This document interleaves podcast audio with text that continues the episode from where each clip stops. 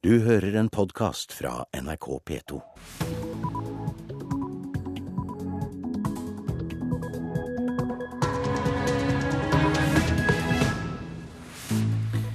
Nyhetsmorgen er programmet du lytter til, og nå klokka halv sju tirsdag 6. mars eh, har vi disse overskriftene. Flere departementer kan bli gransket etter eh, regelbruddene i Barne- og likestillingsdepartementet som førte til Lysbakkens avgang. Leksehjelp i barnehagene er ikke med på å utjevne sosiale forskjeller, snarere tvert imot.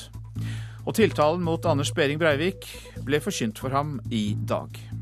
Det som kanskje er litt spennende, er det Riksadvokaten nevner om hvorvidt terrorhandlinger, en dom for det, kan kombineres i, sammen med andre eh, straffebestemmelser i denne saken. Eller om man bare skal dømmes for terrorhandlinger. Jusprofessor Jo Stigen. Her i studio i dag, Øystein Heggen.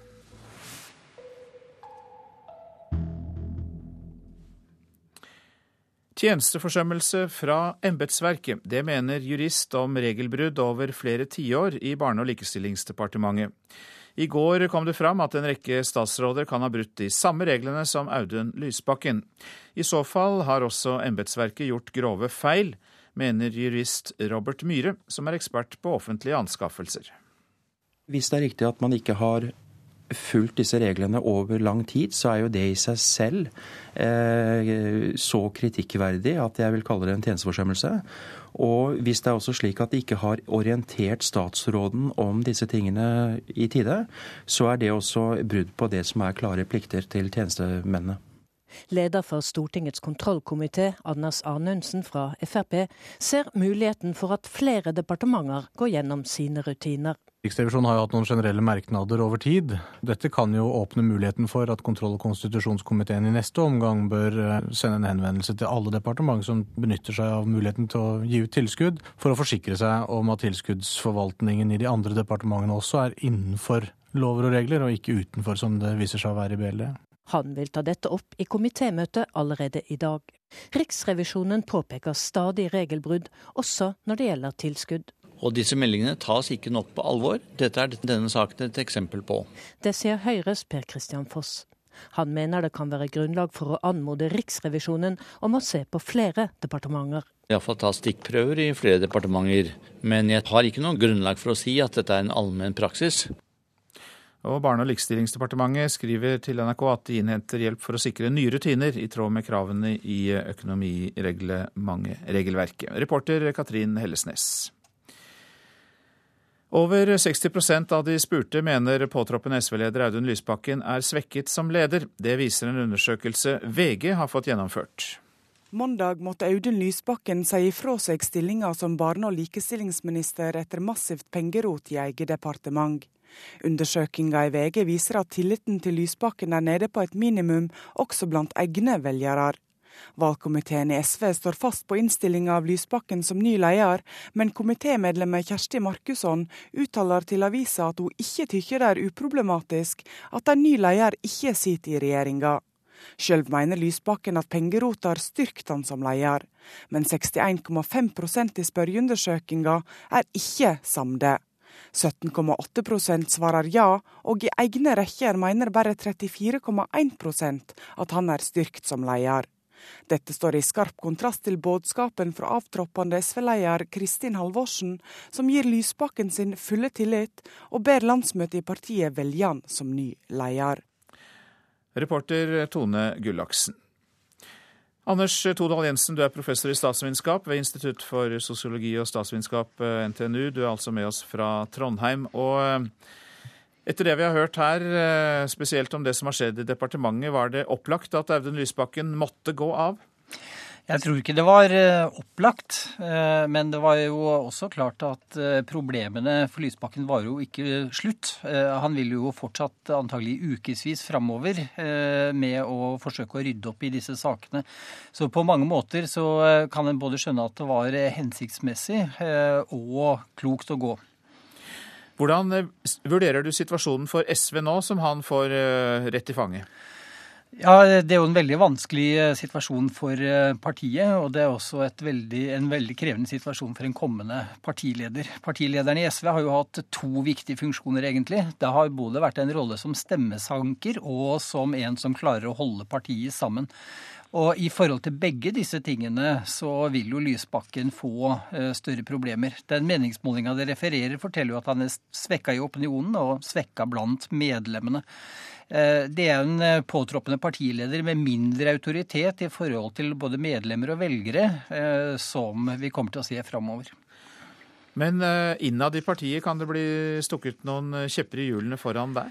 Nå har eh, valgkomiteen hatt et ekstra møte og eh, opprettholdt sin eh, innstilling. og Da tyder vel alt på at han kommer til å gå igjennom som ny leder. Dessuten har den fremste rivalen Holmås jo sagt at han ikke vil stille. Og da ser det vel ut til at Lysbakken blir valgt som ny leder. Men innad har han den støtten han trenger? Det vil jo vise seg. Han har jo mye bedre tid eh, til å vinne igjen sin eh, standing eh, i forhold til medlemmene, naturligvis. Men han er jo også eh, avhengig av å få medlemmene ut og eh, marsjere. Eh, partiorganisasjonen til SV er ikke i god stand. Man nærmer seg et valg. 4 %-spøkelse er det ute. Mange velgere frykter at SV kan komme til å komme under 4 og dermed eh, at de kaster bort stemmene sine. Og da er det bare partilojalitet og det å se partiet som det eneste alternativet som er motgift mot en sånn innstilling blant velgerne. Til slutt, eh, regjeringen, eh, Betyr dette slutten på det rød-grønne prosjektet, i og med at det kan være fornuftig for et regjeringssamarbeid å ha alle partilederne i regjering? Nei, det tror jeg blir mer et eh, teknisk og koordineringsmessig problem. Faktisk så tror jeg at eh, SV kommer til å bite seg fast i regjeringssamarbeidet for å prøve å stabilisere situasjonen i øyeblikket. Sånn at eh, faren for et brudd der tror jeg faktisk er mindre nå enn det var bare for en måneds tid siden. Mange takk skal du ha, Anders Todal Jensen, professor i statsvitenskap, som altså var med oss fra Trondheim. Leksehjelp i barneskolen er ikke med på å utjevne sosiale forskjeller, slik et av målene var, snarere tvert imot. De flinke elevene klarer seg fint på leksehjelpen, men likevel så er det mange som har eh, hender i været for å få voksne til å hjelpe dem som strever. Og nå vet alle hva de har på gjøre. Bare sette seg ned, ta opp ukeplanen.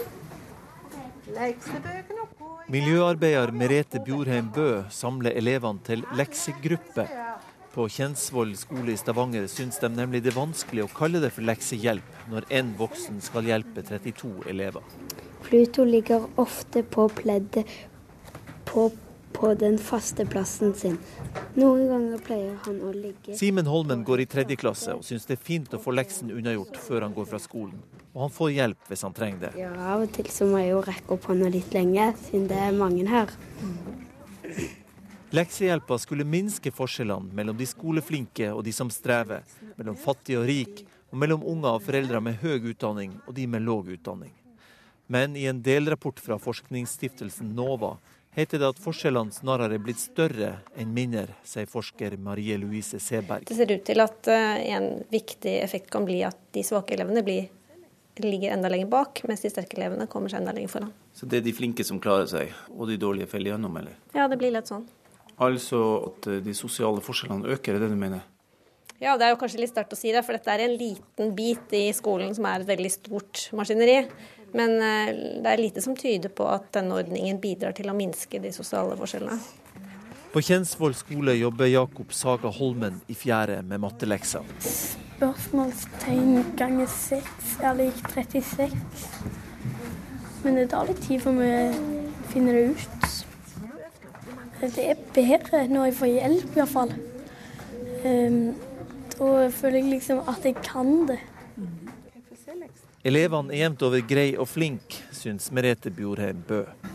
De flinke de klarer seg jo selv og får tiden og muligheten anledningen til å gjøre det, sånn at de er klare til aktiviteter etter skolen. De andre må sitte do dobbelt hjemme i tillegg fordi de ikke har fått gjort det her. Anna Elisabeth Lønningdal, avdelingsleder på skolen, syns ikke leksehjelpordninga virker helt som den skulle. Hensikten var vel at det skulle være det utjevnende, utjevne de sosiale forskjellene og faglige forskjellene og sånn. Men i og med at de svakeste ikke er her, og de tospråklige elevene heller stort sett ikke er her, så, så er jo ikke hensikten oppnådd. I Kunnskapsdepartementet trøster statssekretær Elisabeth Dale seg med at svakheten med leksehjelpordninga bare påpekes i en delrapport. Men allikevel så er det en pekepinn, og dette er noe vi kommer til å se nøye på framover. Og jeg avventer de endelige konklusjonene til vi får en sluttrapport over våren 2013. Reportere her Kjartan Røslett og Marte Skodje. Tiltaledokumenter som tilsvarer dette, har vi ikke hatt i Norge i fredstid. Det sier advokat Harald Stabel om tiltalen mot Anders Behring Breivik. Mange spør hvorfor. Vi må vite flere detaljer i en sak der gjerningsmannen har erkjent seg skyldig, og vi vet hva han har gjort. Men jusprofessor Jo Stigen sier at det som står i tiltalen vil bli svært viktig for de rammede. Det å bli nevnt i en tiltale, det å få en gjerningsperson straffet, og i straffen så står det at han har gjort noe mot deg, det er liksom på den måten samfunnet anerkjenner din lidelse. Det er på den måten samfunnet forteller deg at du er blitt utsatt for noe som er galt. Den som har gjort det, skal straffes eller sperres inne på en avdeling. Og hvis man ikke blir nevnt, da? Hvis man ikke blir nevnt, så kan det være smertefullt. Men her tror jeg at eh, påtalemyndighetene vil være veldig forsiktige med ikke å nevne, nevne de som er berørt. Rundt om i hele Norge sitter personer som ble rammet av handlingene til én mann 22.07. i fjor. Han har innrømma hva han har gjort, men nå er anklagene mot ham skrevet ned i en 19 siders lang tiltale. 18 av sidene brukes til å beskrive selve handlingene. Stigen mener vi trenger å vite mer. Sånn som det er i dag, så er det fortsatt litt for mange løse tråder, litt for mye usikkerhet. Hva var det egentlig som skjedde? Selv om da eh, tiltalte har erkjent de faktiske forhold, så må det identifiseres og bevises. Det sier advokat Harald Stabel. Hva er det egentlig som gjør denne tiltalen så spesiell? Det er selvfølgelig eh, grusomheten eh, ved terrorhandlingene, omfanget, alvorsgraden, som gjør denne saken og denne tiltalen spesiell. Vi har jo ikke tilsvarende tiltaler i, eh, i Norge i, i, fredstid. I og med at saken er så uvanlig, har Riksadvokaten måttet ta stilling til spørsmål som aldri tidligere har vært behandla av verken domstolene eller påtalemyndigheten. Det som kanskje er litt spennende, er det Riksadvokaten nevner om hvorvidt terrorhandlinger, en dom for det, kan kombineres i, sammen med andre eh, straffebestemmelser i denne saken, eller om man bare skal dømmes for terrorhandlinger. Jeg tror nok eh, at man vil bruke terrorbestemmelsen. Og i terrorbestemmelsen så er nettopp en type terrorhandlinger som nevnes, er drap. I dag får Behring Breivik presentert tiltalen. Under rettssaken skal vi alle få høre hva som egentlig skjedde 22.07. Det tror Stigen kan bli nyttig. Denne rettssaken her blir en gedigen krisepsykiatri for hundrevis av mennesker. Tiltalen vil bli gjort kjent for Behring Breivik seinere i dag. Reporter eh, Eva Marie Strand. En eh, mann i 50-årene er kritisk skadd etter å ha blitt knivstukket på Hornsjø høgfjellshotell i Øyer i Oppland. Også en kvinne ble skadet i episoden som skjedde seint i går kveld. En mann i 20-årene er pågrepet for knivstikkingen. Den siktede er student ved Den reisende folkehøgskolen, mens de to skadde jobber ved skolen. 64-åringen som skjøt tre personer i badeparken i Sandefjord, er i lagmannsretten dømt til 15 års fengsel. Det er to år mindre enn i tingretten. Dessuten er han dømt til å betale de fire ofrene 1,1 millioner kroner i oppreisning. Det er 275 000 kroner mindre enn tingretten kom fram til. Ofrenes bistandsadvokat er skuffet og vil anke erstatningsbeløpet til eh, Høyesterett. Så til avisenes eh, forsider. De eh, flommer over av Lysbakkens avgang. Hele regjeringen skal granskes, skriver Aftenposten. Lysbakken-affæren kan få et langt liv, fordi Høyre og Fremskrittspartiet frykter at flere departementer praktiserer tilskuddsordninger feil. Og som vi har hørt tidligere i sendingen, Lysbakken har svekket støtte i folket, ifølge en meningsmåling for VG. Etter et krisemøte i går kveld avgjorde SVs valgkomité å stå fast ved innstillingen av at Lysbakken til vervet som partileder.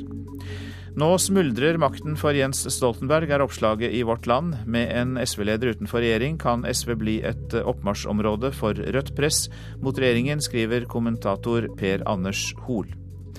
Gikk av etter hardt press, skriver Nasjonen. Leit at regjeringen har mistet en tydelig politiker, sier Senterpartileder Liv Signe Navarsete til avisa. Leder SV inn i krise, leser vi i Klassekampen, men i SV er det mange som mener at det vil styrke partiet å ha en leder som ikke sitter i regjering. Nær venn fikk 700 eh, 000 kroner, skriver Dagbladet i sitt oppslag. Var inhabil da han delte ut millioner, skriver Bergens Tidende. Felte seg selv, skriver Dagsavisen om Lysbakken. Avisen har også intervjuet statssekretær Kirsti Bergstø. Hun fikk først skylda for det meste, men så viste det seg at saken var større enn kun bevilgningene til Jenteforsvaret. Bergstø drar tilbake som fylkespolitiker i Finnmark. Arthur Buchardt og sønnen Anders fikk milliongevinst på Røkke-vennskap, skriver Dagens Næringsliv. Kjell Inge Røkke bidro til at vennen Buchardt kom inn på eiersiden i eiendomsprosjekter i regi av Aker Solutions, og deretter har Buchardt tjent 45 millioner kroner på samarbeidet. Festen endte i respirator, lyder Adresseavisens oppslag. Da Linda Irén Bakken og ektemannen Ketil skulle forlate festlokaler i Rishallen natt til søndag, falt hun sammen og ble føyet til St. Olavs hospital i Trondheim. Legene mistenker at noen har lurt i henne partydopet GHB. Norsk ungdom har det for godt, lyser det mot oss fra forsiden av Bergensavisen. Branntrener Rune Skarsfjord sier at norsk ungdom ikke er sultne nok til å bli gode fotballspillere. Og Brann kan i neste sesong komme til å ha åtte utlendinger på banen i seriestarten.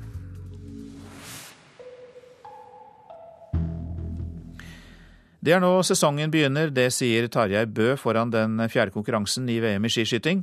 Etter en svak åpning på VM, så velger han å fokusere på den positive utviklingen og dagens normaldistanse i rupolding. Jeg tror alle, både dere og vi, er enige om at nå, nå handler det om medaljer i resten av VM. Det er tre distanser igjen. og Personlig så syns jeg jeg har gode sjanser på å hevde meg i toppen. For fjorårets verdenscupvinner er ikke redd for å legge lista høyt i dag. Og i en sesong der han er sjanseløs på å gjenta bedriften fra i fjor, er det ingen tvil om at det er en VM-medalje det dreier seg om nå. Det er jo nå sesongen begynner.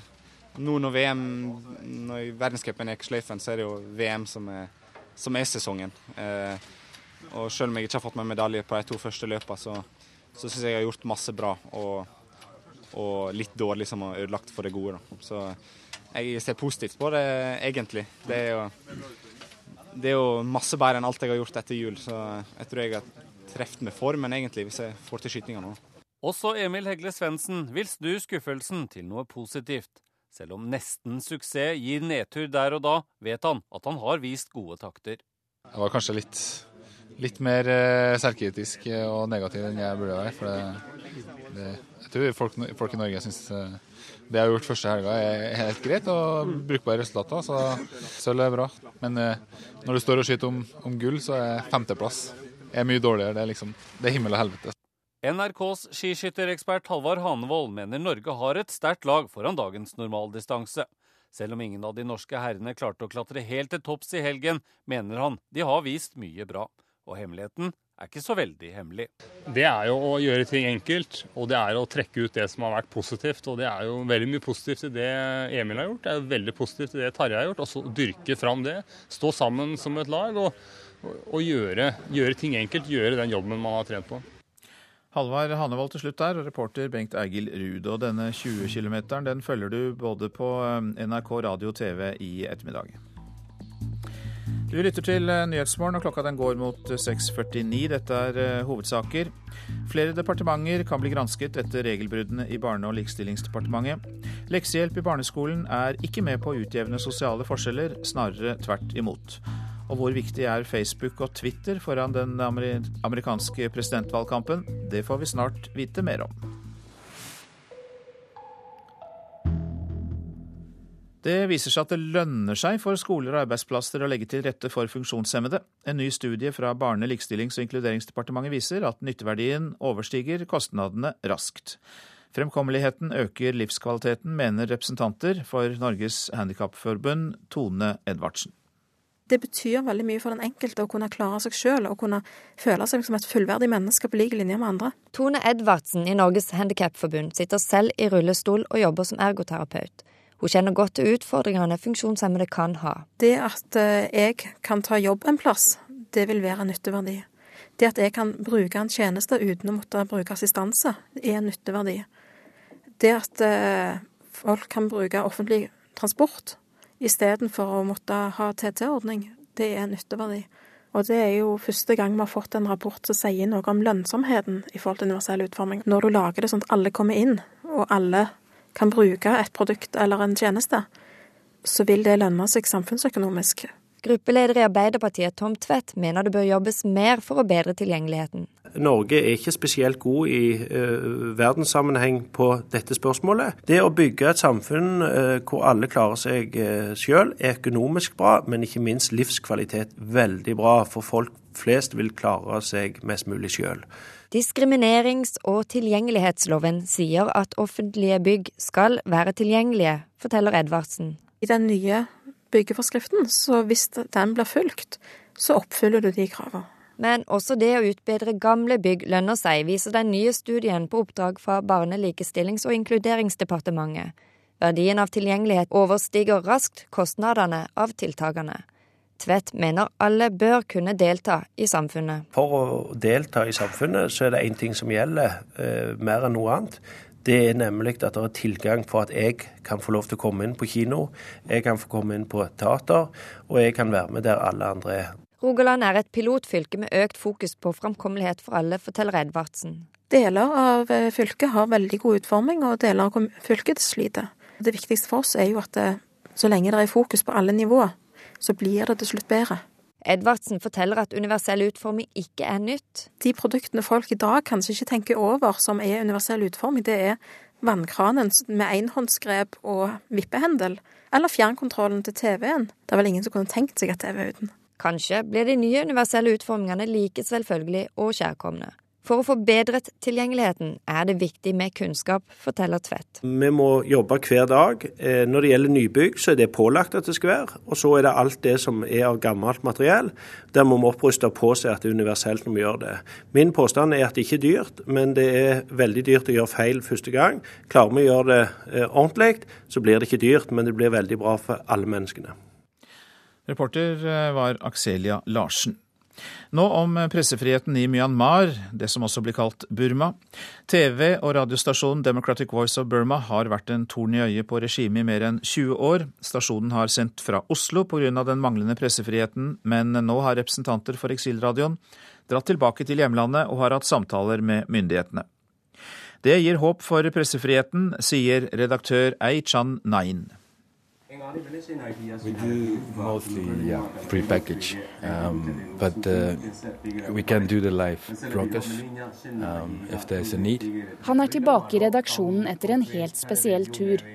I mer enn 20 år har redaktøren for Democratic Voice of Burma operert fra Oslo for å gi folk i Myanmar nyheter fra sitt eget land. Journalistene hans har jobbet i skjul under et strengt regime, og mange har blitt fengslet. Men nylig fikk Aishan Nang lov til å dra til Myanmar for første gang siden han flyktet i 1988. It's huge. I mean, I still cannot believe, and I'm still. I mean, for the last 20 years, you know, the government consider like we are one of the enemy, you know, um, and they have arrested our journalists. Um, so in that kind of situation, um, you know, we couldn't believe like they were accepting us, uh, granting the visa legally, and even like agreed to meet and discuss uh, for the future. So it's it's it's a pretty positive and big step. Ikke bare har han fått visum for første gang. Han fikk også møte representanter for myndighetene for å diskutere pressefriheten i landet. En ny medielov er på trappene, og myndighetene lover å fjerne sensuren alle nyheter må gjennom før de kan sendes ut til folk. Was talking to the information ministry officials. They said they are really trying to reform. They're making the new um, publishing and press law, which will give more uh, freedom, and they will totally remove um, remove the censorship like. Myanmar, eller Burma som det også kalles, har vært gjennom store endringer de siste månedene. I januar ble de fengslede journalistene som jobber for Democratic Voice of Burma, løslatt. Det er håp for ytringsfriheten i landet, sier redaktør Aishan Nan. Han ønsker å flytte tilbake til Myanmar og lage nyhetssendingene derfra. Back, you know, chance. We, we really sort of 100% believe, you know, things will change. What you can actually write is still pretty much limited and the censorship is still pretty much there.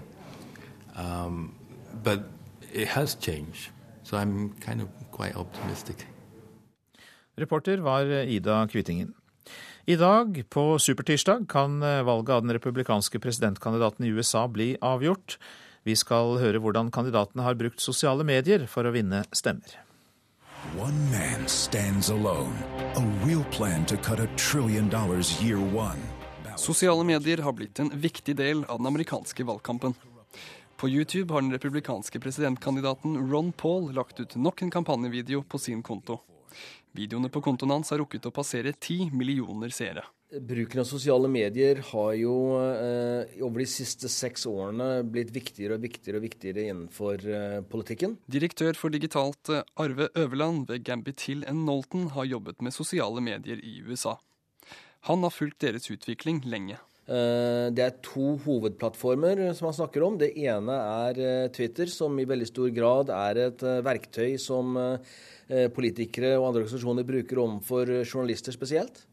Uh, og uh, så er det da Facebook, som er, uh, er, blitt et veldig viktig verktøy i å aktivere velgerbasen, altså de som er mer interessert enn de andre, som da er villige til å gi tid og gi penger. og der har Facebook blitt et veldig viktig verktøy. Strategisk analytiker Anders Hofseth i NRK Beta forteller at det er mye å vinne på å få de sosiale mediene til å spre det politiske budskapet. Sosiale medier sprer jo er jo selvspredende. sånn at hvis jeg leser et eller annet i et sosialt medium som jeg syns er interessant, nyttig, et eller annet, så kan jeg skrive 'liker' på det. Og så kan da hundrevis av mine venner se at jeg har likt det, og så spres det plutselig til dem også.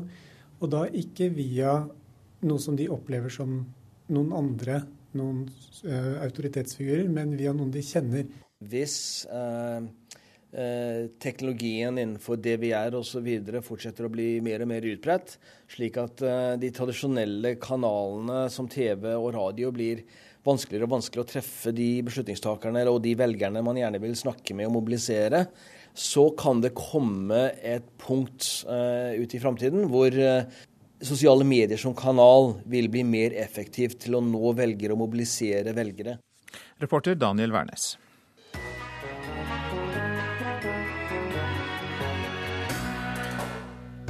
Husker du den fantastiske TV-serien The Tudors? Nå skal produsenten lage en ny serie om vikinger, om sagnhelten Ragnar Lodbrok.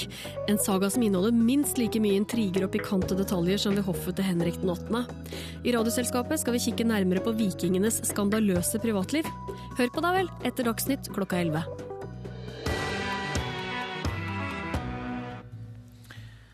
Vi skal snakke om været i Norge. Fjellet i Sør-Norge litt snø av og til. Eh, sør for Finse ellers oppholdsvær. Østlandet ellers stort sett oppholdsvær. Telemark og Agder litt snø av og til. På kysten sludd eller regn. Stort sett opphold i østlige områder. Rogaland og Hordaland lengst sør utrygt for litt regn. Snø i høyden, ellers opphold. Fra i ettermiddag sørøst stiv kuling og i kveld sterk kuling. Det var altså Rogaland og Hordaland. Sogn og Fjordane sørlig liten kuling på kysten. Fra i ettermiddag sørøst sterk kuling utsatte steder og på kysten, og i kveld kan det bli liten storm. Stort sett opphold. Møre og Romsdal får øking til liten kuling i sør. I kveld sørlig sterk kuling ytterst på kysten av Søre Sunnmøre. Ellers meldes det om oppholdsvær i Møre og Romsdal. Trøndelag, eh, der blir det utrygt for litt regn. Fra i ettermiddag til dels pent vær, riktignok. I kveld sørøst liten kuling utsatte steder.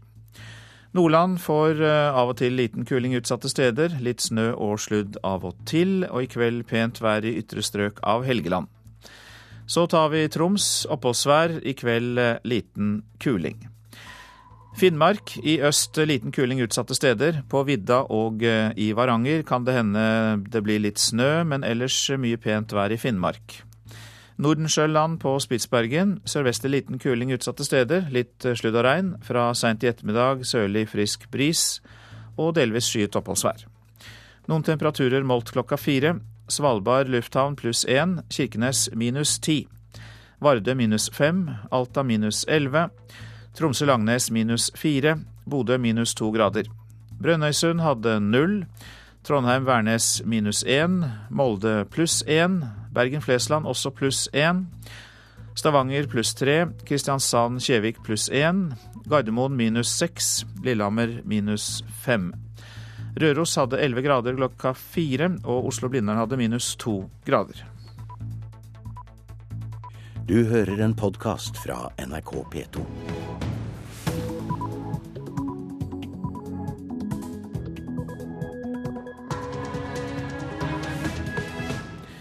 Du lytter til Nyhetsmorgen nå klokka sju, og eh, Øystein Heggen er i studio i dag.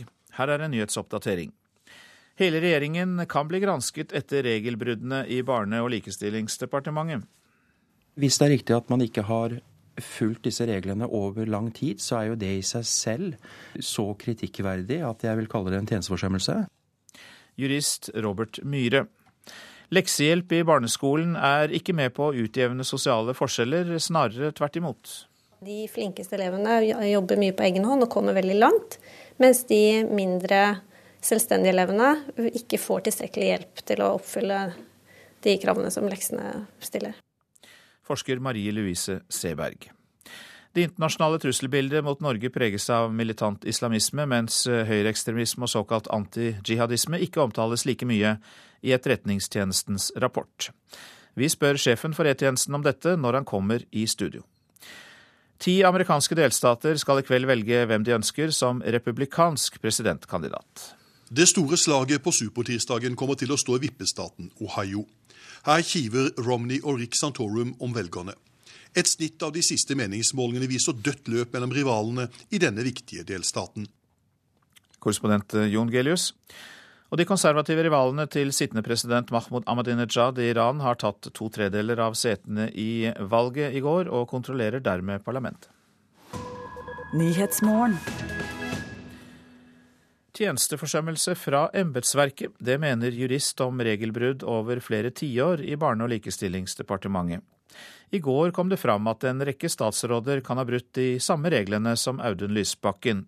Dermed kan det stilles spørsmål om embetsverket har gjort jobben sin.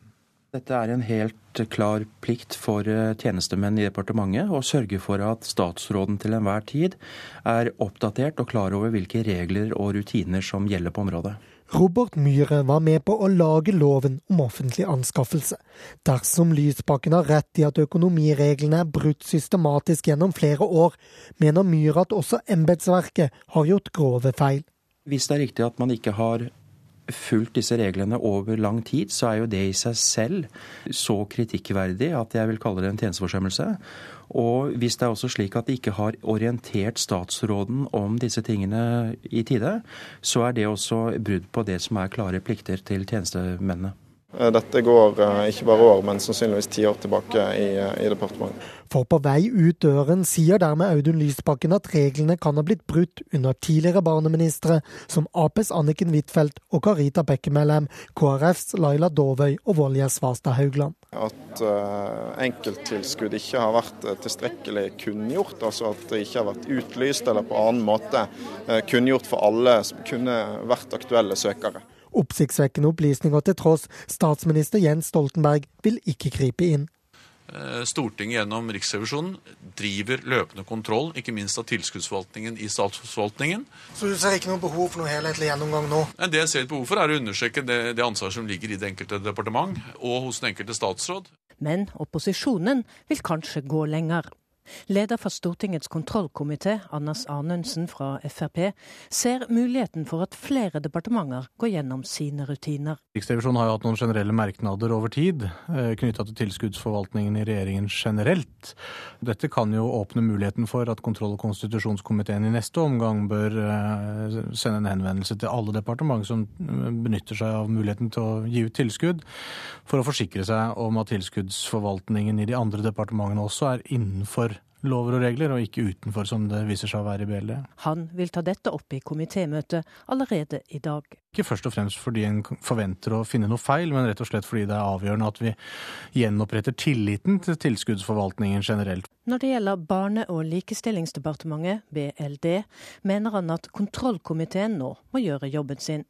Også Høyres Per Christian Foss understreker at BLD nå er en sak for komiteen. Men det kan være mulig at uh, sakene er såpass omfattende og går så langt tilbake at det kan være nødvendig å be og anmode Riksrevisjonen om å gå inn i sakene. Riksrevisjonen påpeker stadig regelbrudd, også når det gjelder tilskudd. Ja, mange departementer får merknad fra Riksrevisjonen om brudd på statens økonomireglement. Dessverre altfor hyppig. Og mitt inntrykk er at det ikke, ikke tas på tilstrekkelig alvor. Han mener det kan være grunn til å se nærmere på flere departementer. Iallfall ta stikkprøver i flere departementer. Men jeg har ikke noe grunnlag for å si at dette er en allmenn praksis. Reportere her Katrin Hellesnes og Lars Nehru Sand. Politisk kommentator i NRK Magnus Takvam, først til det vi nettopp hørte her.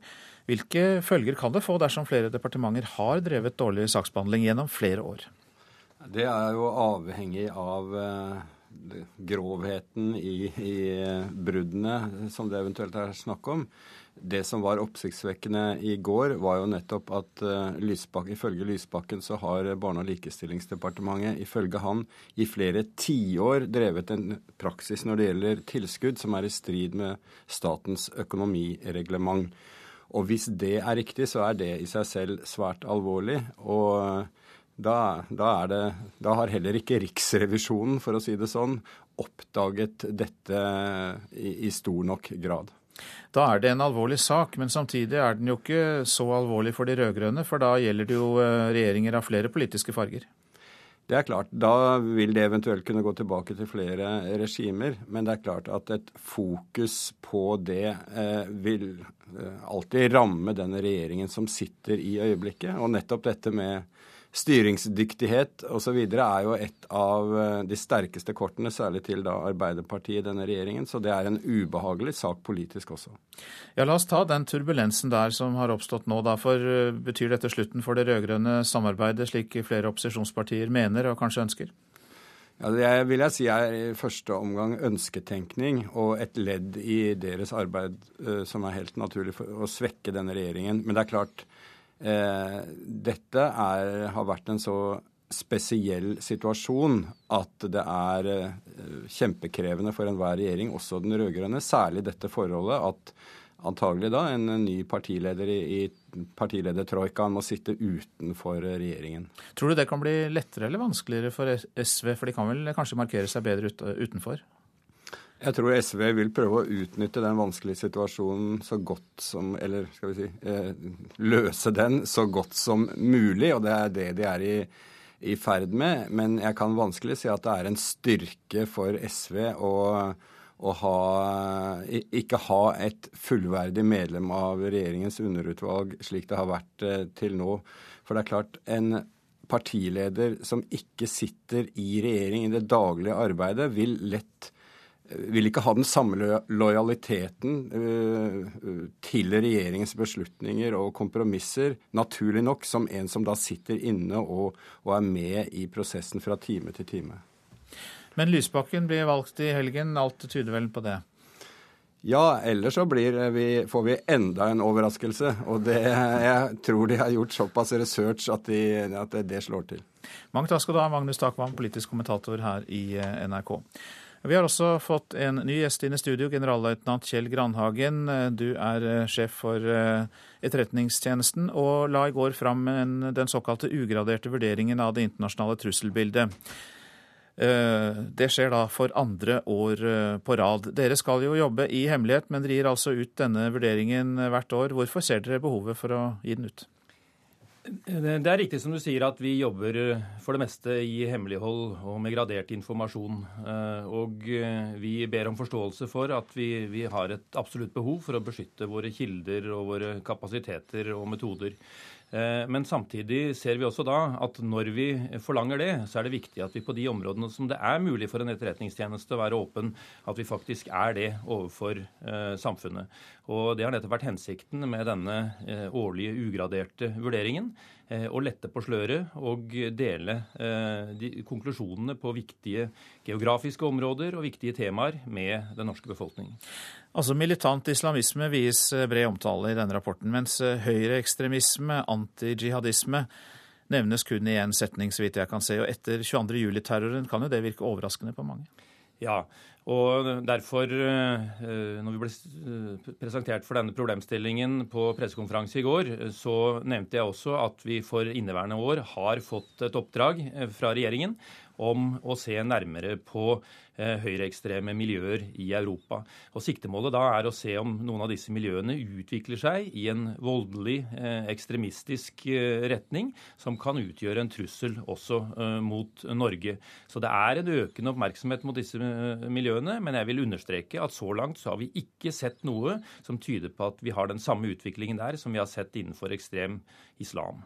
Siden forrige rapport så er jo Osama bin Laden blitt drept, eh, flere andre Al Qaida-ledere er drept. Eh, hvordan har det islamske terrorbildet endret seg etter det? Det har endret seg i betydelig grad. Sentralledelsen, som oppholdt seg i områdene, grenseområdene mellom Afghanistan og Pakistan, er betydelig svekket og har ikke den evnen den hadde tidligere. Men vi har sett en eh, desentralisering av strukturen. Nye regionale sentra har oppstått i Al Qaidas nettverk. Og vi ser også en endring i deres strategi, at de nå i større grad prøver å rekruttere eh, innbyggere i de landene hvor de senere har planer om å gjennomføre terroraksjoner. Eh, og det er en trussel som er mye vanskeligere for etterretnings- og sikkerhetstjenester å eh, oppdage og følge med på. Den arabiske våren ble jo ønsket velkommen av mange, men dere heller noe kaldt vann i blodet på oss når dere skriver at militante bevegelser kan få nye fristeder, tilgang på våpen og eksplosiver, og det kan bli høyere spenningsnivå mellom Israel og arabiske nabostater? Det er ingen tvil om at det er en, en stor dynamikk i Midtøsten-området eh, akkurat nå. Eh, er, eh, vi er definitivt ikke eh, ferdig eh, med den utviklingen som pågår. Eh, vi ser det i Libya, eh, vi ser det i Egypt og selvfølgelig ikke minst i Syria, hvor situasjonen fortsatt er helt uavklart. Så hele regionen er på en måte eh, kastet opp i luften, hvis man kan si det slik. Og vi har ikke enda sett hvordan dette faller ned, og hvilke langsiktige konsekvenser den arabiske våren faktisk vil få. Dere samarbeider jo med POT, Politiets etterretningstjeneste. Har det hatt noen virkning at POTs leder Janne Kristiansen måtte gå av fordi hun omtalte det samarbeidet? Vi har et veldig godt samarbeid med Politiets sikkerhetstjeneste. Det er vi helt avhengig av å ha, spesielt på kontraterrorområdet. Det samarbeidet har utviklet seg over lang tid.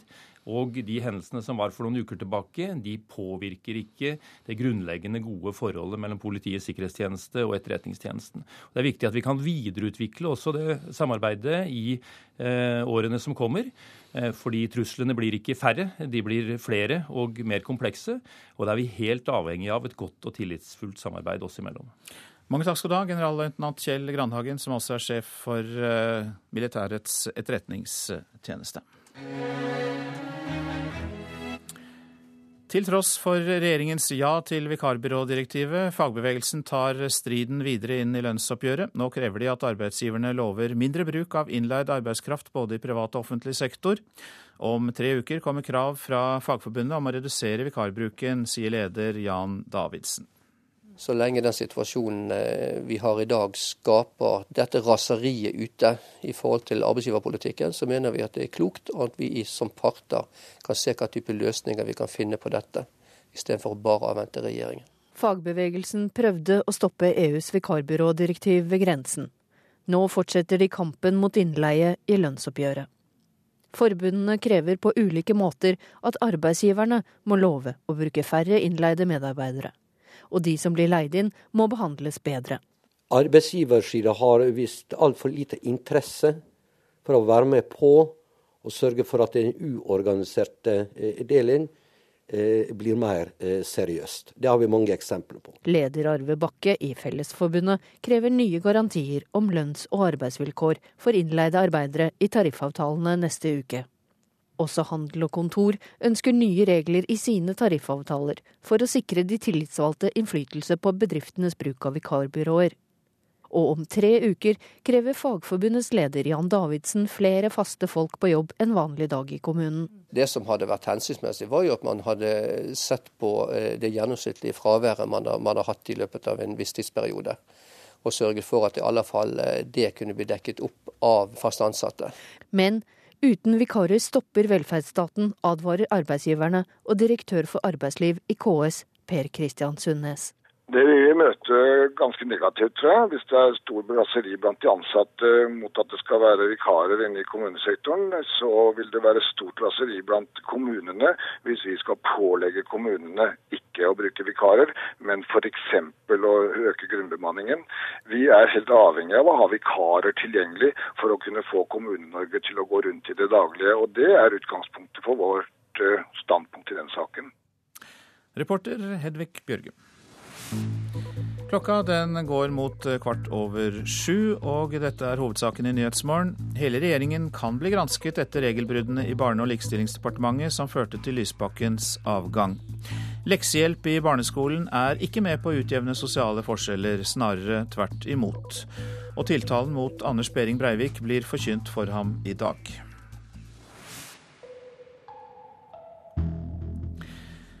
Ti amerikanske delstater skal i kveld velge hvem de ønsker som republikansk presidentkandidat. Favoritten Mitt Romney kan komme til å gjøre det best på supertirsdagen, selv om han sliter i den viktige vippestaten Ohio. Men på hjemmebane i Massachusetts, der er han suveren. I et veikryss her i Belmont, en forstad til Boston i Massachusetts, fylles det bensin på Brothers Autoservice. Eieren av denne familiedrevne bensinstasjonen, Harry Arroyal, har i flere år sørget for at Mitt Romney og hans familie har hatt drivstoff på bilene sine. Den tidligere guvernøren i Massachusetts bodde bare knappe kilometeren unna bensinstasjonen, i et fornemt strøk i landlige omgivelser. Romney pleide å fylle bensin om morgenen, men han ga meg aldri noe i tips, avslører eieren. He comes for the gas Saturday morning, so it's good, but he don't tip me.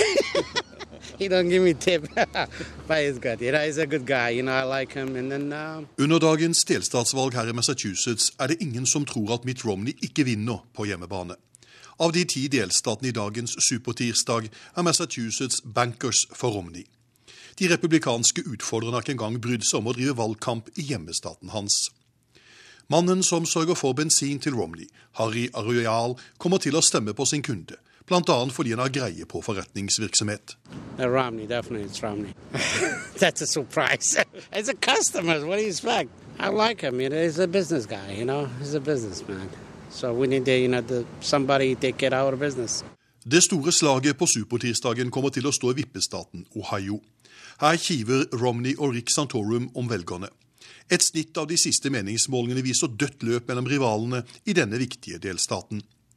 For de republikanske kandidatene handler det først og fremst om å samle nok delegatstemmer til partiets landsmøte senere i sommer. På supertirsdag er totalgevinsten 437 delegater, litt mer enn en tredjedel av det som er nødvendig for å sikre nominasjonen. Her i Massachusetts er det Mitt Romney omtrent alle heier på. Hans lokale bensinforhandler sier USA trenger forandring, og at Romney er mannen som kan slå president Obama. We need different, that's it. We need a change. You know, we get hurt a lot. The gas economy, look at that. It's going down and every customer is complaining. So we need to change, definitely we need to change. We'll see. We hope the best for them. Fire republikanske presidentkandidater kjemper om velgernes gunst på dagens supertirsdag. Om noen kaster inn håndkle etter at de ti delstatene har gjort sine valg i kveld, er foreløpig åpent. Det som er helt sikkert, er at Mitt Romney kommer til å gjøre det skarpest av alle her på sin egen hjemmebane. Jon Gelius, Belmont i Massachusetts. I går kveld ble resultatet av Irans parlamentsvalg klart. Selv om 65 av plassene er på valg først i april, så er det klart at de konservative rivalene til sittende president Mahmoud Ahmadinejad har tatt to tredeler av setene og kontrollerer dermed parlamentet. Innenriksminister Mustafa Mohammad Najjar sier valgoppmøtet var på 64 11 økning siden forrige parlamentsvalg.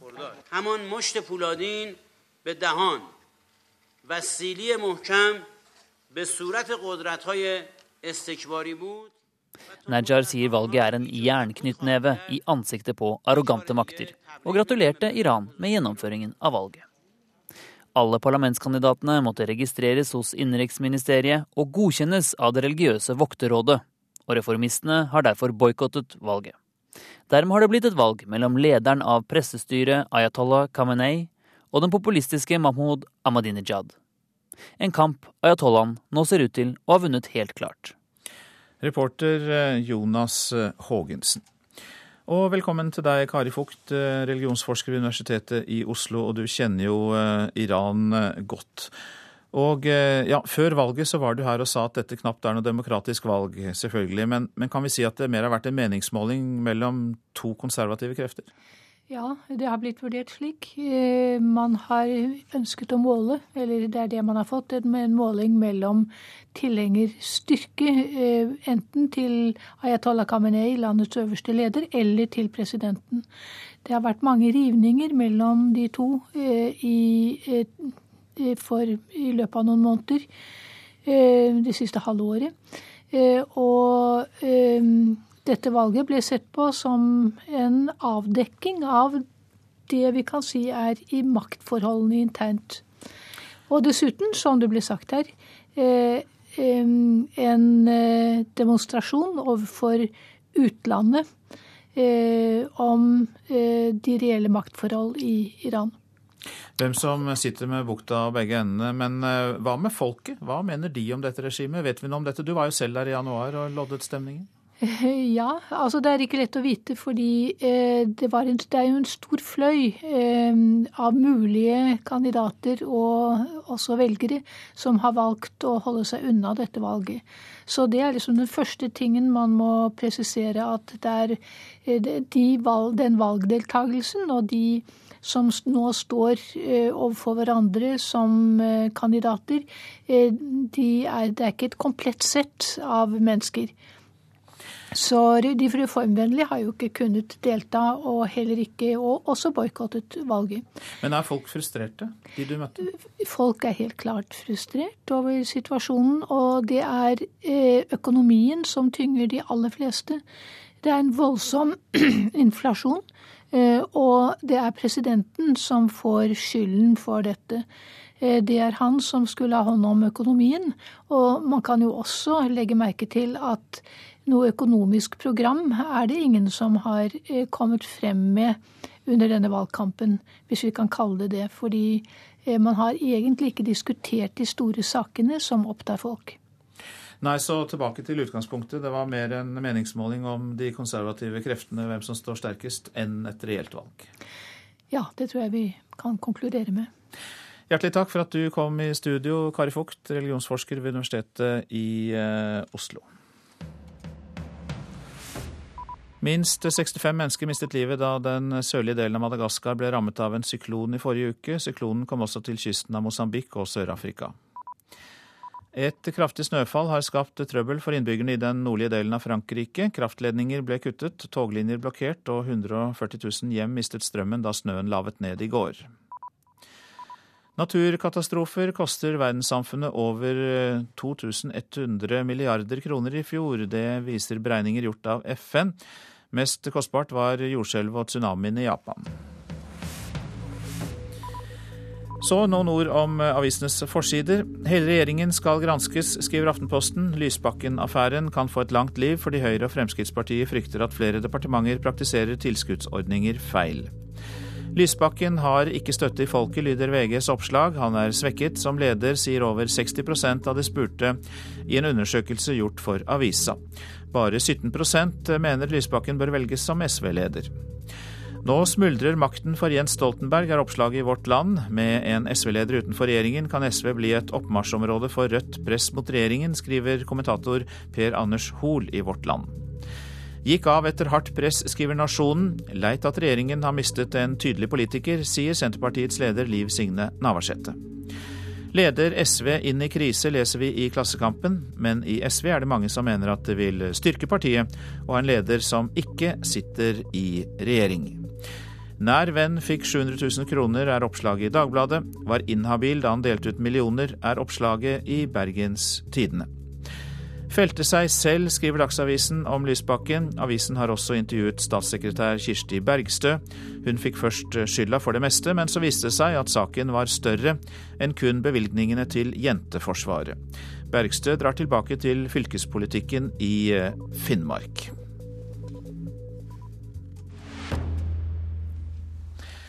Børs og katedral, det er ingen motsetning i Fjell-Norge. Nå spleiser kirken og turistnæringen på lønna til egne fjellprester.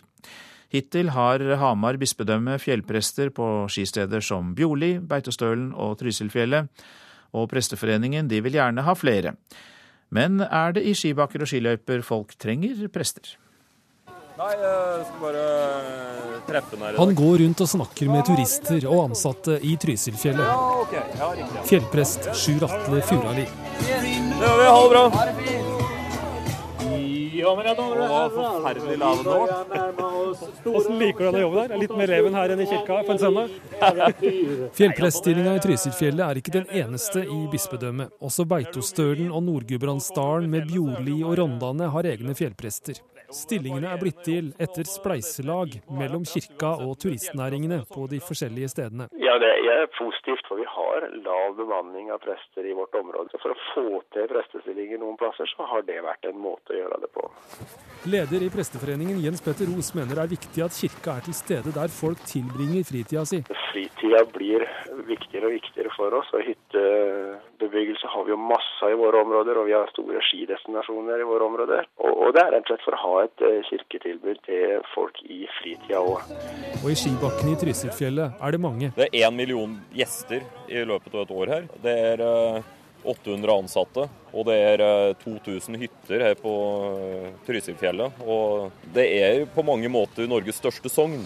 Hvis det er behov for prester i, i Norge som sådan, så er det òg behov for prest her. For det blir en veldig belastning for de andre prester hvis de skal ta seg til alt som skjer her oppe på fjellet.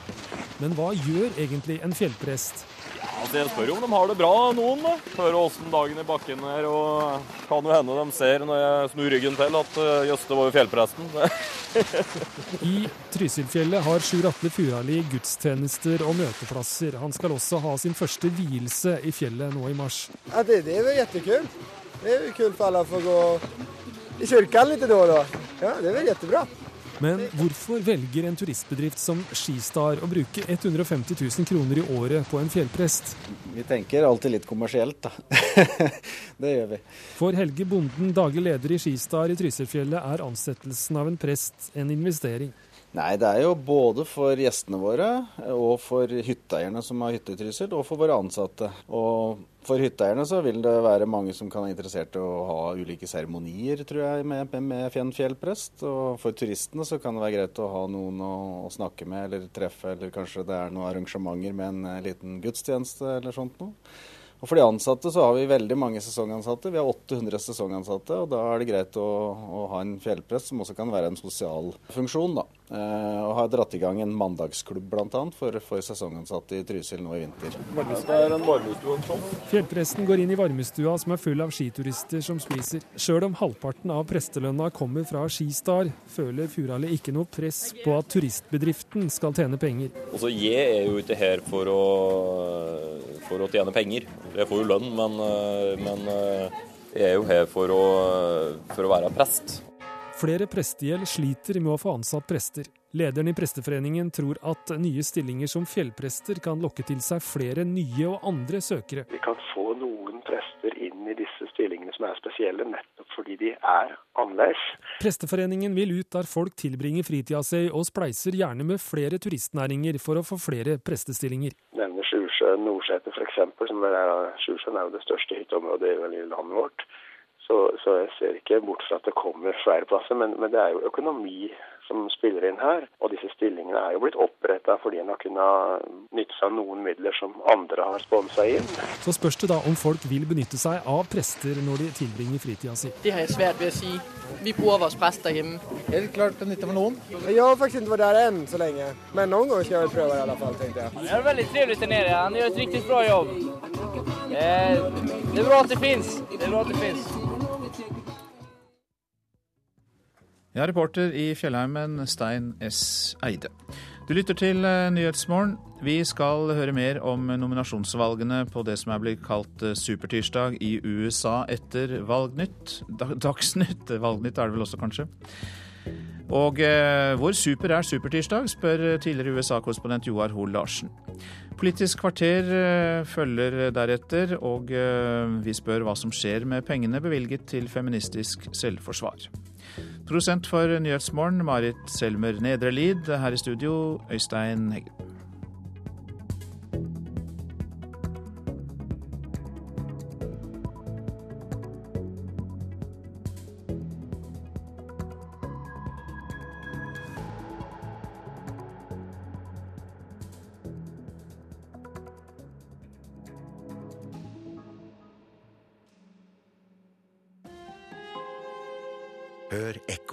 Russland forlater flere og flere jobb og stress og mas i byene for å dyrke økologiske grønnsaker på bygda. Og ikke bare det. Den mystiske ledestjernen Anastasia lover dem evig ungdom, lykkelige barn og stålhelse. Er Putins undersåtter i ferd med å drømme seg vekk i enda en utopisk ideologi? Ekko 9 11 i NRK P2. Lysbakkens avgang kan føre til en gransking av hele regjeringa. Leksehjelp utjevner ikke sosiale forskjeller slik målet var. Og mann i 50-åra døde etter knivstikking på høyfjellshotell.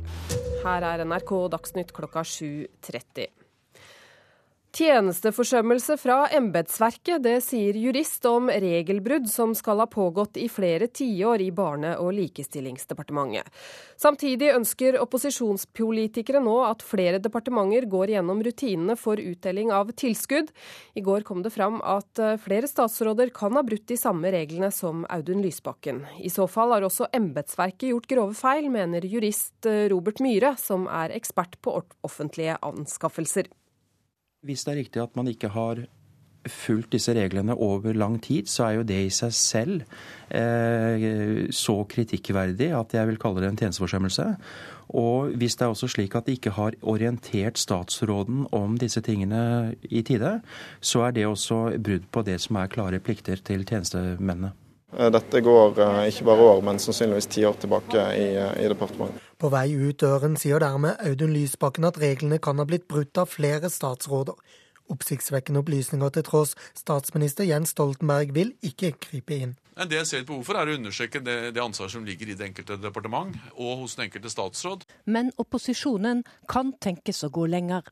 Leder for Stortingets kontrollkomité, Anders Arnundsen fra Frp, ser muligheten for at flere departementer går gjennom sine rutiner. Riksrevisjonen har jo hatt noen generelle merknader over tid. Dette kan jo åpne muligheten for at kontroll- og konstitusjonskomiteen i neste omgang bør eh, sende en henvendelse til alle departement som benytter seg av muligheten til å gi ut tilskudd, for å forsikre seg om at tilskuddsforvaltningen i de andre departementene også er innenfor lover og regler, og ikke utenfor, som det viser seg å være i BLD. Han vil ta dette opp i komitémøtet allerede i dag. Riksrevisjonen påpeker stadig regelbrudd, også når det gjelder tilskudd. Og disse meldingene tas ikke nok på alvor. Dette er denne saken et eksempel på. Det sier Høyres Per Christian Foss. Han mener det kan være grunnlag for å anmode Riksrevisjonen om å se på flere departementer. Iallfall ta stikkprøver i flere departementer. Men jeg har ikke noe grunnlag for å si at dette er en allmenn praksis. Reportere her var Katrin Hellesnes og Lars Nehru Sand. Og over 60% av velgerne sier i en meningsmåling Infact har gjort for VG at Audun Lysbakken er svekka som leder.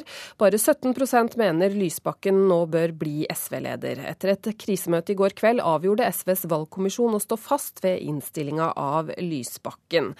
Og politi politisk kommentator her i NRK, Magnus Takvam. Folk er altså skeptisk til Lysbakken ifølge denne målinga. Hvordan er Lysbakkens stilling i partiet etter alt dette bråket? For det første er det ikke overraskende at eh, en så stor eh, majoritet er eh, skeptisk til Lysbakken etter det mediekjøret som har vært. Og denne målingen er jo også tatt opp blant SVs egne velgere.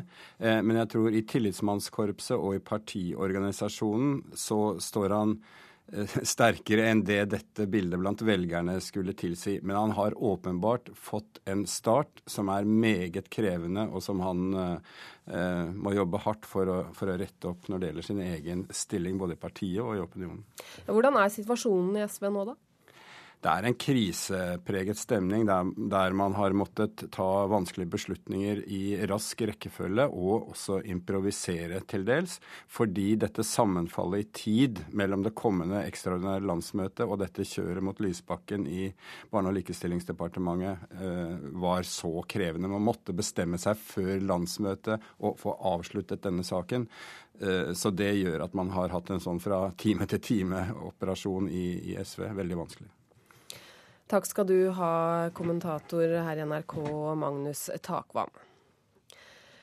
En mann er død etter å ha blitt knivstukket på Hornsjø høyfjellshotell i Øyer i Oppland. Knivstikkinga skjedde seint i går kveld, og ei kvinne ble skadd i episoden.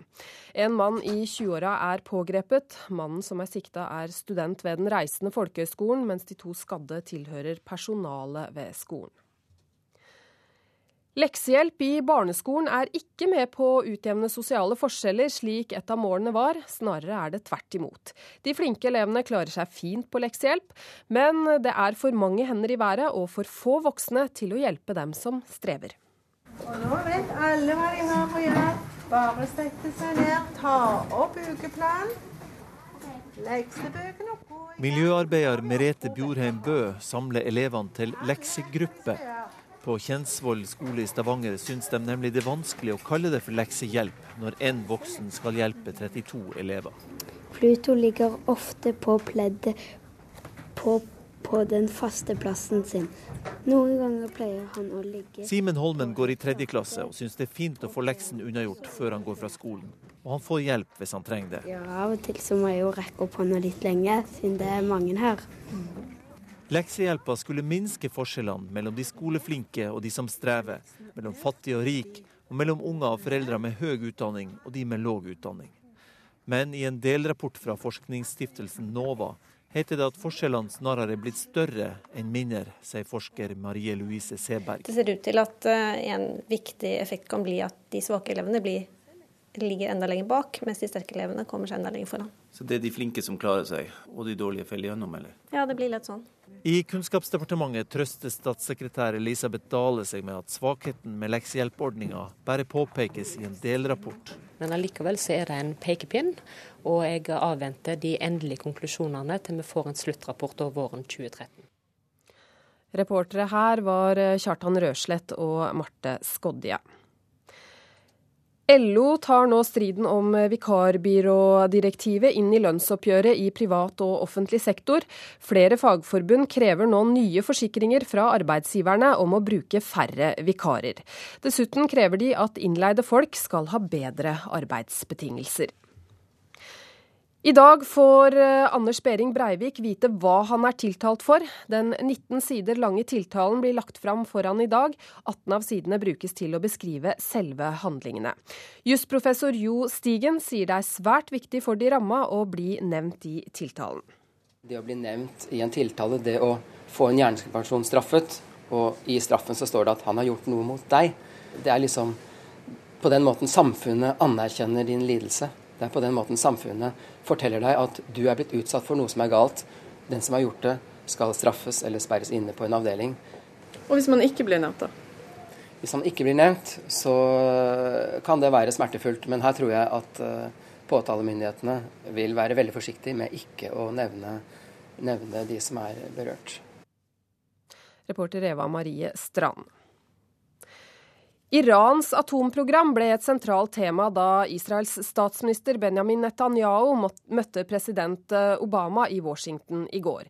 De to er enige om å hindre Iran i å skaffe seg atomvåpen, men er uenige om framgangsmåten. You know, them, Satan, Satan. Den israelske statsministeren minner Obama på hva Iran syns om deres respektive land. Begge er samde om at framtidige iranske atomvåpen er en alvorlig trussel mot Israel, men usamde om hvordan de skal håndtere denne trusselen.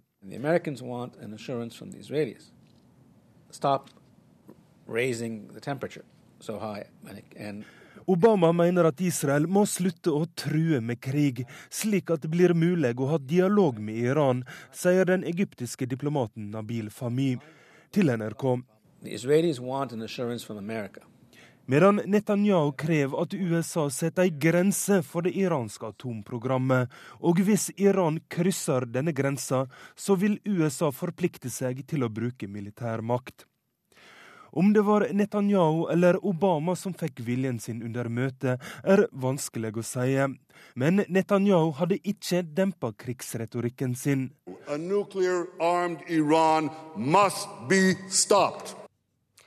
Reporter Roger Severin Bruland. Det er nå sesongen begynner, det sier Tarjei Bø foran den fjerde konkurransen i VM i skiskyting. Etter en svak åpning på VM velger han å fokusere på den positive utviklinga, og er klar på at det er lov til å ha store forventninger til det norske laget på dagens normaldistanse i Ruppholding. Jeg tror alle, både dere og vi er enige om at nå, nå handler det om medaljer i resten av VM. Det er tre distanser igjen. og Personlig så syns jeg jeg har gode sjanser på å hevde meg i toppen. For fjorårets verdenscupvinner er ikke redd for å legge lista høyt i dag. Og i en sesong der han er sjanseløs på å gjenta bedriften fra i fjor, er det ingen tvil om at det er en VM-medalje det dreier seg om nå. Det er jo nå sesongen begynner. Nå når VM, når verdenscupen er i sløyfen, så er det jo VM som er, som er sesongen. Reporter Bengt Egil Ruud. Ansvarlig for denne sendinga Eirik Ramberg, teknisk ansvarlig Hanne Lunås, i studio Kari Bekken Larsen. Da skal Nyhetsmorgen til USA og nominasjonsvalget på Super Tuesday, som i år ikke er like super som i 2008, men like fullt en tirsdag. Hvorfor det egentlig? Mange mener tirsdag er en dårlig dag for å gå til valglokalene, men det er sånn det er, ifølge vår reporter Joar Hoel Larsen.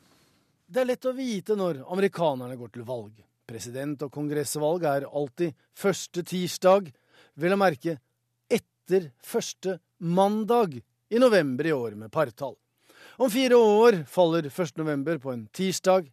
Da kan det ikke avholdes noe valg siden den foregående mandagen, altså er i oktober. Dermed blir det presidentvalg den 8., for da har man gjort unna en novembermandag først. Det samme gjentar seg i 2044.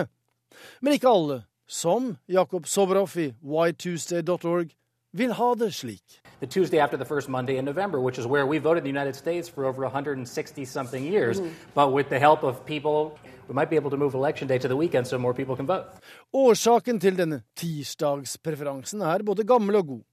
En gang i tiden da USA ikke besto av 50 stater, kvinner ikke hadde stemmerett og slaveriet ikke var opphevet, så hadde de allikevel valg. Men det å avgi stemme var ikke gjort i en fei. Det fåtall av voksne menn som hadde stemmerett, de trengte tid, for de skulle forflytte seg fra farmen til stemmelokalene med hest og kjerre, så det gikk gjerne en dag der. Og vel fremme skulle de danne seg et inntrykk av saker og ting og kandidater og det som mer var. Dermed var den dagen omme. Og til slutt så skulle de altså hjem igjen. Man måtte dermed ta høyde for at det gikk med tre dager. Men i dette gudfryktige landet så kunne man ikke være borte i forbindelse med helligdager og kirkegang. Dermed var både lørdag, søndag og mandag uaktuelle som valgdager for de kristne. Andre trossamfunn og hensyn gjorde at torsdag og fredag også ble vanskelig. Dermed gjensto egentlig bare tirsdag og onsdag. Men midtukedagen onsdag var som regel markedsdag, så tirsdagen ga i grunnen seg selv i 1845. Nå mener mange at man kanskje kan se på dette med nye øyne. Men hvorfor akkurat Super Tuesday i primærvalgene?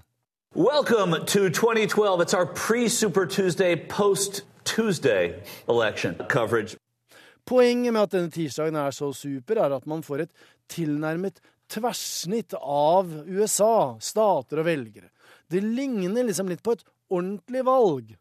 Det hele er så omfattende at kandidatene ikke har hatt tid til å tilbringe mye tid i hver enkelt stat, eller kanskje mer presist fri til utvalgte velgergrupper med særinteresser i hver enkelt stat. Nå er det alvor. Ikke et vondt ord om Alaska, Idaho eller Nord-Dakota, som er blant de ti som gjør denne tirsdagen så super. Men interessen knytter seg til Ohio. But Ohio's uh, particularly critical because Republicans really almost have to win that in November in order to win the election, right? Ohio er den sjuende mest folkerike staten i USA.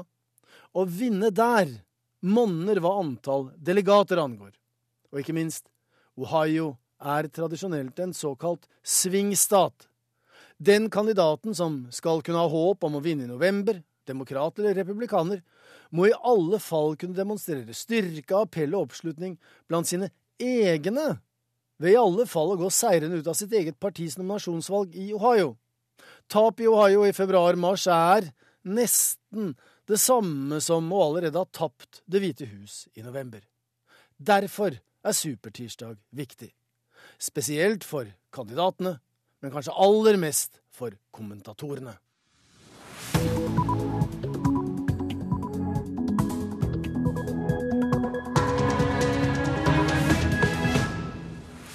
Ja, Du lytter til Nyhetsmorgen. Dette er hovedsakene. Flere departementer kan bli gransket etter regelbruddene i Barne- og likestillingsdepartementet. Leksehjelp i barneskolen er ikke med på å utjevne sosiale forskjeller, snarere tvert imot, viser undersøkelse. Pressefriheten i Myanmar øker. Eksilradioen Democratic Voice of Burma har fått slippe inn i landet for første gang på 20 år. Og nå er det Politisk kvarter fram til klokka åtte, og hva skjer med pengene vi har bevilget til feministisk selvforsvar? Foregår det noe vi kan lage media på? Lurte Lysbakken. Eh, svaret på det var vel ja, Bjørn Myklebust? Men kan det komme noe godt ut av det? Jeg kommer styrket ut av dette, mener min gjest. Folket er ikke helt enig.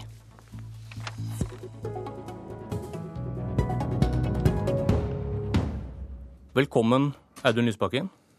Takk. Du var litt sent ute i dag. Satte du deg i baksetet som du pleier, men oppdaget at bilen ikke kjørte?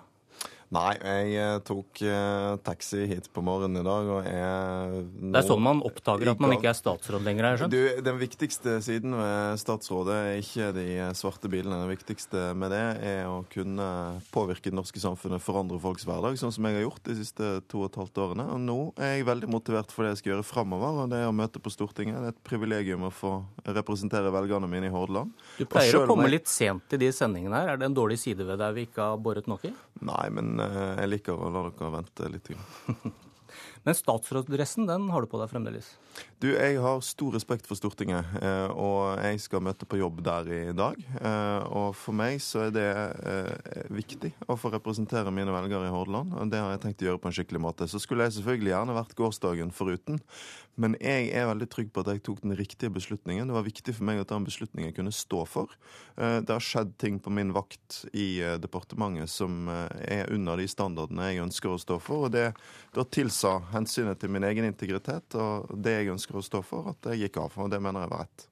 Forstår du hvis noen syns det er arrogant når du sier at dette kommer du styrket ut av? Du, jeg eh, har aldri tenkt at eh, det jeg gjorde i går kom til å vekke noen jubel. Det var heller ikke hensikten. Eh, men eh, jeg har lært mye gjennom dette som Men svar på gjør spørsmålet. Forstår du at det kan virke arrogant når du etter alle feilene du nå har innrømmet, og du må gå av som statsråd, og så står du i går og sier at dette kommer jeg styrket ut av? Fordi det jeg snakket om, var uh, mine egenskaper som leder og som menneske. Og man lærer mye av å stå i storm. Uh, det betyr ikke uh, at ikke jeg ser veldig alvorlig på det som har skjedd nå. Det betyr ikke at jeg ikke forstår at eh, mange kan eh, stille spørsmålstegn ved det jeg har gjort, for det er det grunn til. Jeg har stått ansvarlig for eh, regelbrudd på min vakt i departementet. Men det er også sånn at det å lede, det å ta på seg viktige verv i vårt demokrati, det handler ikke om aldri å gjøre feil, men det handler om å lære av de feilene du gjør. Men folk er ikke det enig, skriver VG i dag. Over 60% mener at dette tvert imot svekker deg. Men alle vil jo være enig i at uh, en statsråd som går av, uh, er svekket uh, politisk. Ikke du. Men, jo, men det, det jeg har sagt, er at jeg mener jeg kommer klokere og sterkere ut av dette som menneske, eh, og derfor også eh, som politisk leder. Og det eh, er fullt mulig. Og da har man to valg når man har gjort feil. Enten så kan man gå og gjemme seg og forsvinne, eller så kan man prøve å lære det og gå videre. Jeg velger det siste. Og så har både mitt parti, mine velgere, en mulighet til å gjøre seg opp en mening om hva de syns om det.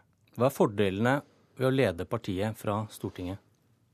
Du, jeg eh, hadde tenkt eh, å lede partiet på en annen måte. Eh, så det er ikke sånn at, eh, at det eh, er en fordel med det som nå har skjedd. Eh, men hvis partiet likevel velger meg, så må vi også prøve å gjøre noe offensivt ut av det. For å omformulere, hvilke muligheter byr du på? Det beste eh, for både meg og partiet hadde vært at det som skjedde i går, ikke skjedde. Men når det er likevel er situasjonen, så mener jeg det er mulig eh, å lede partiet fra Stortinget. Det eh, vil bety at partiet kan få en leder med god anledning til å ta seg av partiet, men også med god anledning til å være med på de viktigste beslutningene som skal tas i koalisjonen. Jeg tror det er fullt mulig å finne løsninger på det. Men den diskusjonen om hvordan vi gjør det, den forventet jeg etter at SV har uh, gjort ledervalget. Jeg har ikke tenkt å ta noe for gitt i forhold til det. Jeg har sagt til partiet at jeg fortsatt stiller meg til disposisjon, og så bestemmer landsmøtet. Den som blir leder, da, gir det den en mulighet for å skape større avstand til Arbeiderpartiet når man sitter på Stortinget og ikke i en regjering der man må forsvare kompromisser der man kanskje har blitt overkjørt?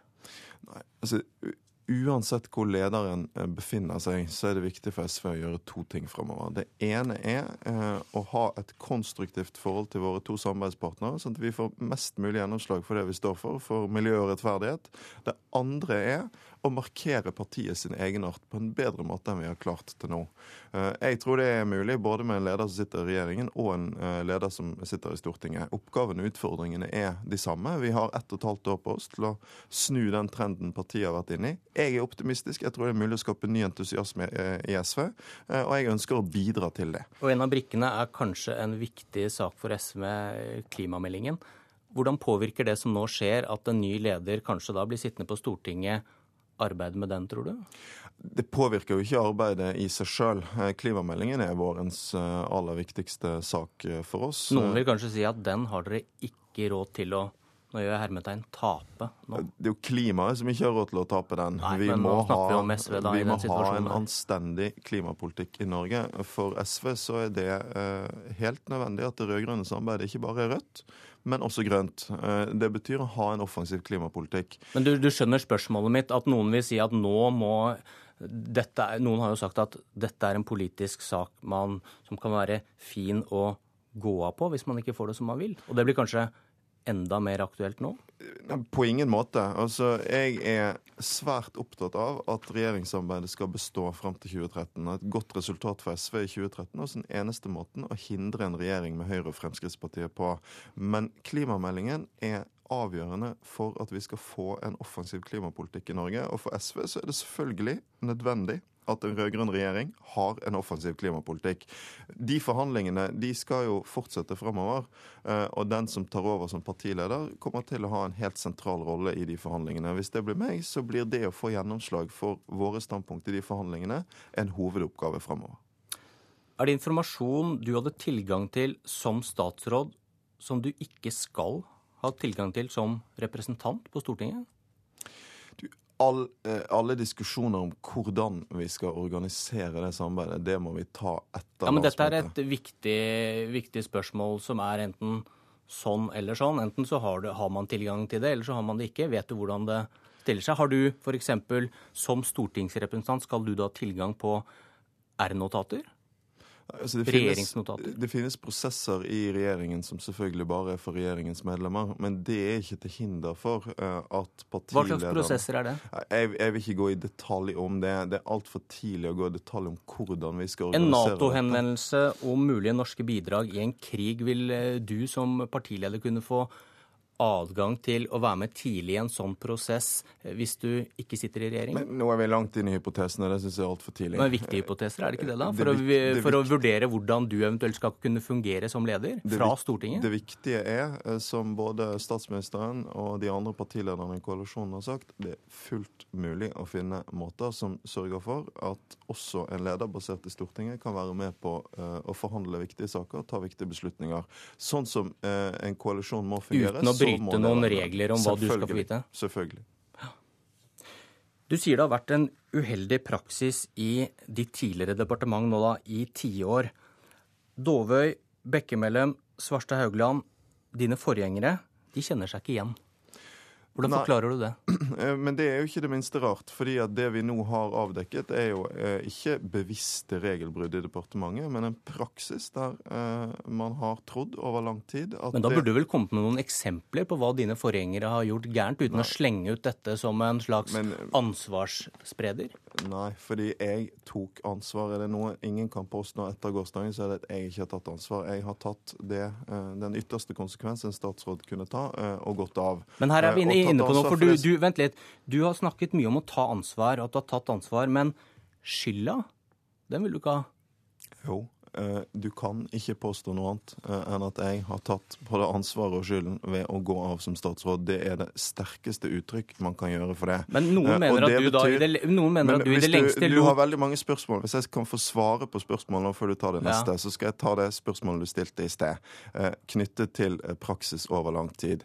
Jeg har ikke lagt skylden på noen statsråder som har gått før meg, men sagt fordi Stortinget har spurt om det, at vi måtte komme til bunns i en praksis som har vært i departementet. Den har i lang tid vært sånn at det ikke har vært vanlig å kunngjøre bredt nok. Det er selvfølgelig ikke sånn at verken embetsverk eller statsråder har brutt regelverket bevisst. og Derfor så eh, vil jeg tro at tidligere statsråder heller ikke har vært klar over dette.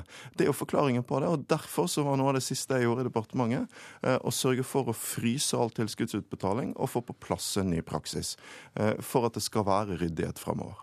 Nå kom det jo fram en eh, SMS i går om når du fikk vite om denne saken med Jenteforsvaret. og Litt til det vi snakket om nå, da.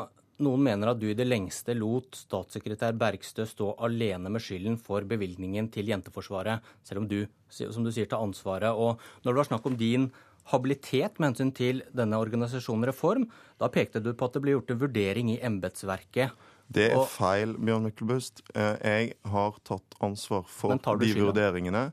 Eh, Jeg har ikke skjøvet verken den habilitetsvurderingen over på noen andre. Det er mitt eget ansvar å vurdere min eh, habilitet. Derfor så har jeg også gjort det nå. eh, Og eh, sagt at jeg mener jeg har vært inhabil. Det er min egen vurdering. Eh, I tillegg så er det sånn da? at hvis du, hvis du ser på hvordan avisen har sett ut den siste måneden, så kan du ikke påstå noe annet enn at jeg både har tatt ansvaret og skylden, om Nei, du vil skapt, kalle det det Det er skapt et inntrykk Nei. at du tar ansvaret, men Nei, du har latt f.eks. Bergstø stå der som det den som er feil. Jeg har Jeg har ikke byråkratiet. skjøvet noen medarbeidere foran meg i denne saken. Det har vært viktig for meg. og Nettopp fordi eh, det er sånn at ansvarsforholdene i et departement eh, er sånn at alt, helt uavhengig av personlig eh, involvering, er statsrådens ansvar. Så har mediene vært opptatt av det. Hvem gjorde hva?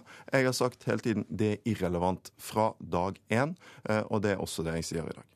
Er byråkratiet i Barne- og likestillingsdepartementet et svakt byråkrati? Nei, det er et godt eh, og profesjonelt eh, embetsverk. Men eh, det Hvordan som, kunne dette skje, da? Det som jeg la fram eh, i går, er jo bl.a. et resultat av eh, en praksis som har vært over lang tid, som selvfølgelig ikke skyldes bevisste regelbrudd, eh, men at det noen ganger er sånn at feil praksis over tid får sette seg, eh, og at det derfor ikke blir gjort noe med. Har du nøkkelkort til å komme deg inn på Stortinget i dag? Du, det har jeg. Eh, Så eh, jeg ser fram til å komme dit. Jeg ser fram til å begynne den jobben jeg skal gjøre som representant for mine velgere igjen. Ja, hva skal Eh, du gjøre egentlig? Jeg skal nå i første omgang ta opp igjen mitt arbeid som folkevalgt for Hordaland. Det ser jeg fram til. Mange viktige lokale saker Hva har du som jeg er lyst til å drive med da? Det får vi se på. Det er for tidlig å si. Nå skal jeg først ta landsmøtet til SV til helgen. Eh, jeg eh, ønsker fortsatt å lede partiet hvis eh, partiet vil ha meg. og det betyr en stor og viktig mulighet til å slåss videre for det jeg tror på. For, for miljø og rettferdighet, for SV sine ideer. Og jeg har ikke blitt mindre motivert for det av det som nå har skjedd. Jeg har lært noe av det. Jeg har tatt en beslutning jeg mener var riktig. Jeg vil at feil skal ha konsekvenser, og konsekvensen av de feilene har jeg tatt. Takk for at du kom, Audun Lysbakken. Du får gå og bestille en eh, ny taxi, siden du ikke har en sort bil som venter. Magnus Takvam, politisk kommentator i NRK. Blir Lysbakken parlamentarisk leder? Ja, det, jeg tror det. Partiet mener nok at den som er partileder, også bør være parlamentarisk leder, så det tyder det meste på. Ja. Hva skjer da? Blir det vanskelig? Altså Hele den eh, nye modellen som dere har snakket litt om her, og som dominerte debattene i går, nemlig at eh, partilederen ikke sitter da i regjeringens underutvalg, eh, har ført til at man måtte løse det på en måte med en nykonstruksjon av et forum av de tre partilederne som da tydeligvis skal forhandle om de viktige sakene som eh, den rød-grønne regjeringen skal, eh, som, som den til enhver tid har på bordet. Hvordan det går, eh, vil jo bare praksis vise. Men det er klart at en partileder som ikke sitter i regjering, av naturlige grunner får mindre tilknytning til de beslutningene som er i regjering. Kanskje mindre lojalitet er i hvert fall mulig å tenke seg enn man ville fått dersom man satt time, eh, hver, hver time inne i regjeringen. Vi kom ikke helt til bunns i det, men kan du gi noe svar på hva Lysbakken kan få vite, eventuelt ikke kan få vite, som representant, ikke, som han eh, da fikk vite når han var statsråd? Altså, Formelt så er det slik at regjeringsnotater er forbudt å spre til de som ikke er vedkommende, slik at det er straffbart å gjøre det. Men i praksis løser man det ved å omskrive R-notatene, som det heter, til dokumenter som har det samme innholdet, slik at andre som ellers ikke ville hatt lov til å se på det, får de. Så jeg tror ikke det byr på noe problem. Når det gjelder budsjettdokumenter, så er det slik at f.eks. den kommende budsjettkonferansen på, på Jevnaker der, også, der, er det slik at fraksjonsledere i finansfraksjonen, parlamentariske ledere, som da ikke sitter i regjeringen, får hele mappa, altså alle, alle dokumentene til budsjettet. Så man har en praksis på dette, så jeg tror ikke det, informasjonstilgangen vil, vil, være det som er, er den kritiske faktoren. Takk, Magnus Takvam. Politisk kvarter er slutt. Jeg heter Bjørn Myklebust.